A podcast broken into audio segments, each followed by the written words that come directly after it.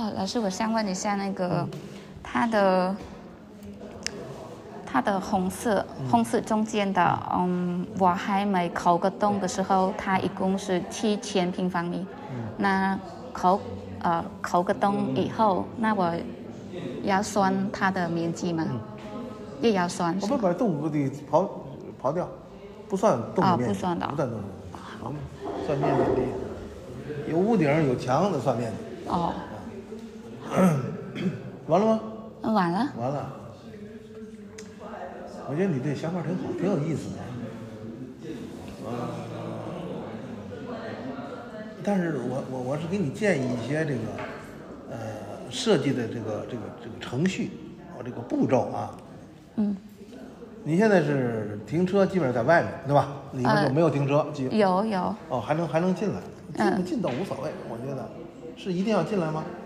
嗯，不一定，但是比如说，嗯，那个 exceptional case，哎呀，对对，有点有点就是消防，消防车是吧？呃呃对对 OK OK，明白你意思，就是平常的车不进来哈，好吧？啊，是的，好，你的新建筑，我建议你啊，呃，用方格网和你这个形体结合着考虑。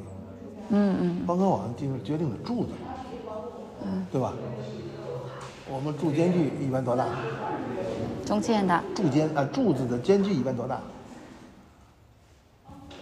啊？啊，柱子一般啊呃，它的柱距距离柱啊，对，距离有多大一般？我跟你说过吗？你还记得吗？是七米，对，呃，一般就是说六米到九米吧之间都可以，它是比较合理的间距。你小于六米的就柱子太密了，啊，太密了它也浪费，对吧？你要大于九米的，就梁太高了也是浪费，对吧？是不是？我上次不跟你讲课了，梁的高度，这这个梁是吧？高度是怎么定？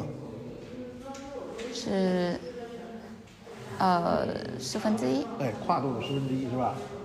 你要跨度太大了，你要是十十米的柱距，那量高度就一米了，是吧？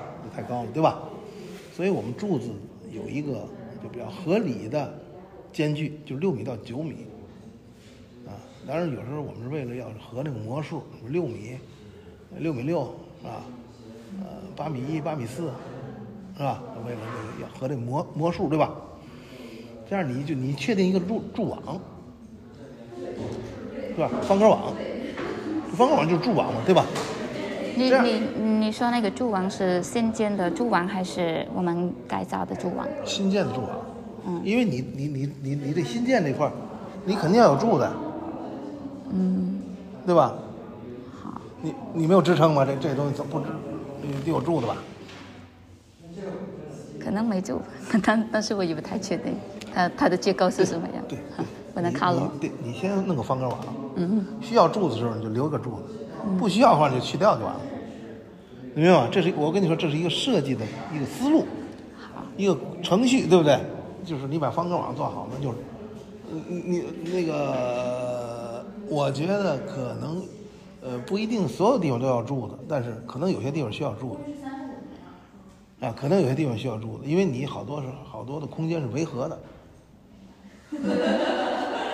是吧？你好多，你比如说教室啊，啊什么什么呃图书馆的，它是需要围合，有地有墙的，啊有墙的，就是你不是一个完整的空间，你把那造型拿出来，哎，对你不是一个这个完完成完成这么一个空间，其实你里面你虽然是这个空间随很随机，其实好多是是需要有墙的，对吧？往前翻，往前翻。往前，啊有名字的，有名字的，往后，往后，往后，啊往后，再往后啊，对，是不是？你报告厅，你报告厅肯定有墙啊，呃，是的，对吧？对吧？可能可以用这种隔墙的，啊，对，隔墙的，这那就是最好是有柱子，嗯，啊，有柱子就是一样落的，因为你这个完全不用柱子，也可以，太浪费了。我觉得可能你你你你你这面可以啊，比如说我这边有个梁，这是落地的，里里面可能都不落地，你没有柱子支撑哪行去？是不是？里面就这些这些，是不是悬空的？我不太清楚啊。是它有两条的，然后那那那个人流线的这些是拉它起来，是只只有一个方向，我知道，是这样的。对，我知道，我知道，你啊你这这边上是这样，我看看这。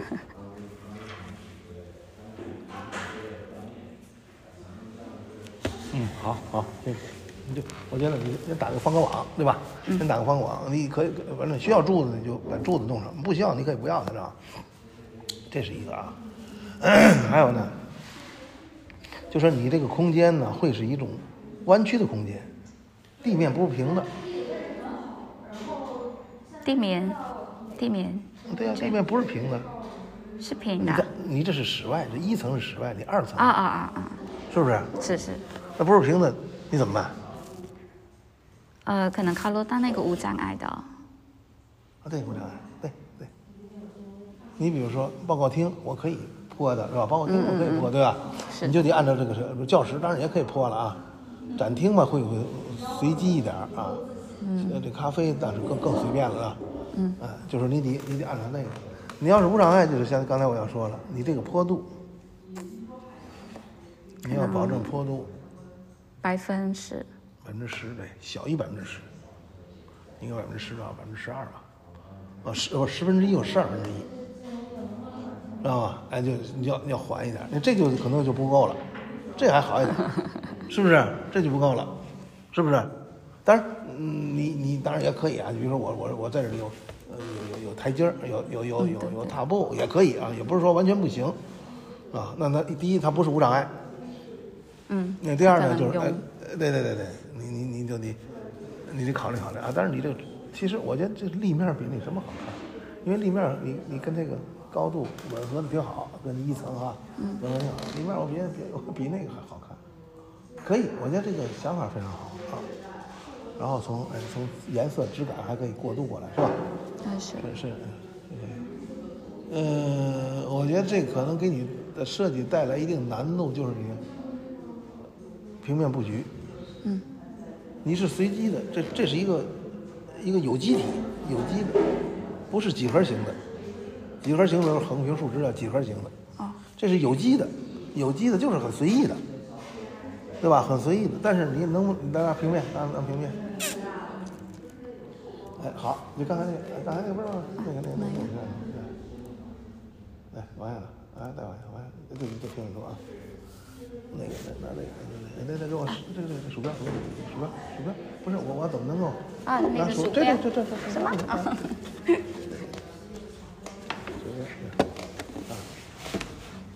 对是吧？你看啊，再往下一个，啊对，你看啊，你看这有有很很多洞是吧？呃有，很多洞，哇，有这么多地方。然后呢，加上这个还这还有图书馆围合。嗯，你要把这平面，你要是画成平面图的话，把这个洞和你的这个房间能够组织好了，不太容易。嗯，是不是？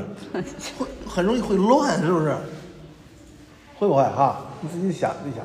你休息空间无所谓，休息空间可能就是一个开放的，嗯，是，咖啡更加是开放，但是报告厅是肯定是封闭的，图书馆是封闭的，教室是封闭的，呃展厅咱也可以开放，是吧？所以你得摆几个封闭的空间先给做好了，好，对吧？因为你不封闭不行，不封闭就干扰了，对吧？那边不能说报告厅的讲着课呢，这边图书馆那不都乱了吗？是吧？所以有些封闭空间一定要，你封闭空间什么是什么样的？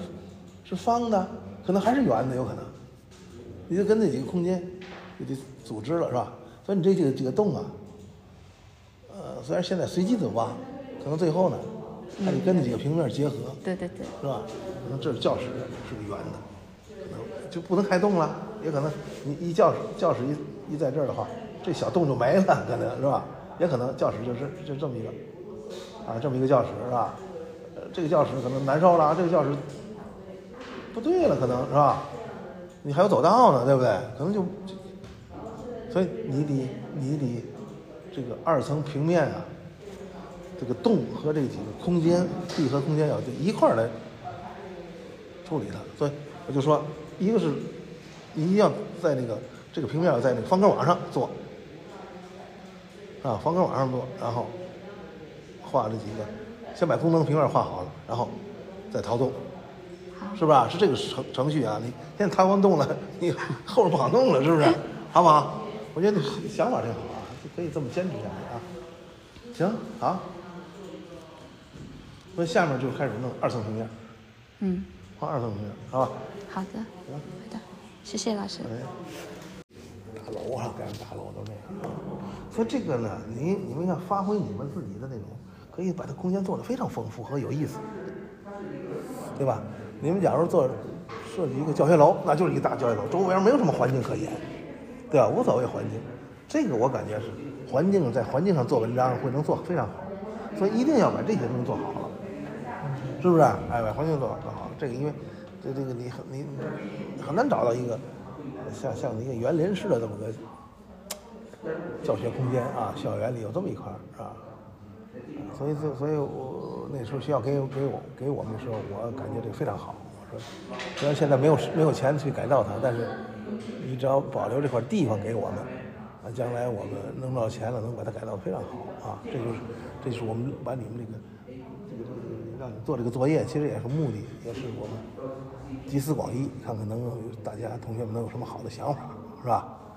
好吧，哎，所以你们改造这个，一定把环境改好。其实建筑自身可发挥的余地并不大，尤其你保留这个，你一弄结构，你看哪儿都动不动不了，是不是？哎，哪儿都动不了啊！当然还有他的办法，我是加建，多大量的加建，这也是一个办法。那你这个就是。你家电并不多，一定把环境做好，好不好？嗯，行，反正你们就就就就往往往下往下进展啊，前还得把平面什么的开开始做了，做完平面我就给你们找毛病，我给你们找完找找找那个头一个同学他呃就是他把平面图做的很细了，哎，我觉得这样也挺好，这样的话呢就暴露出很多问题。虽然你们学到五年级，但是可能以前。低年级时积累的一些呃这个这个这个小错误，可能一直没改，我尽量给都给你们改正了，是吧？尽量给画图上、制图上的一些错误，是吧？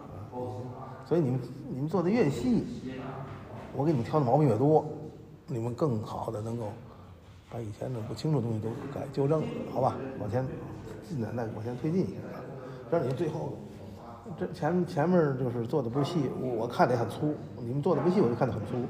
最后赶着交图，交完图就是错误，错误百出，是不是？我们我们这种建筑图是应该来讲是不能有错误的，因为施工人员是他是看图施工，你画错了他就按错了施工。哎，你那尺寸标错了，那他把墙可能砌的就是偏离你那个原来的位置，那没办法，他他就看图施工，他一般那个这个这个这个这个施工人员他不会去。纠正你的，他他认为你，你诚心这样画，他不认为你是画错了。但是你一旦画错，就容易出现问题。所以我每一个 每个尺寸，每一个这个这个这个空间的格局安排，都是要精准的啊。当然我们在方案阶段有时候净是错误，净是错误，我在在我们的。这个这个设计过程一点点改，一点点调整。为什么我设计？咱们设计是一个周期很长的一个过程，这就是一个一个一个一个纠错的过程啊！不怕你们出错误啊，你们出错误正常的啊。要不你们都都会了，都都都对了，那还学什么呢？对不对？好吧。但是这个想法、创意、呃，大的空间分布、格局都是你们自己的。我给你们找一些这个在规范上的一些一些错误东西。另外一个，引导一下你们，就是能够。把这个方案做得更好一点，更完美一些，这我只能引导，你们自己想不出来，那我也没办法，是不是？好吧，好的。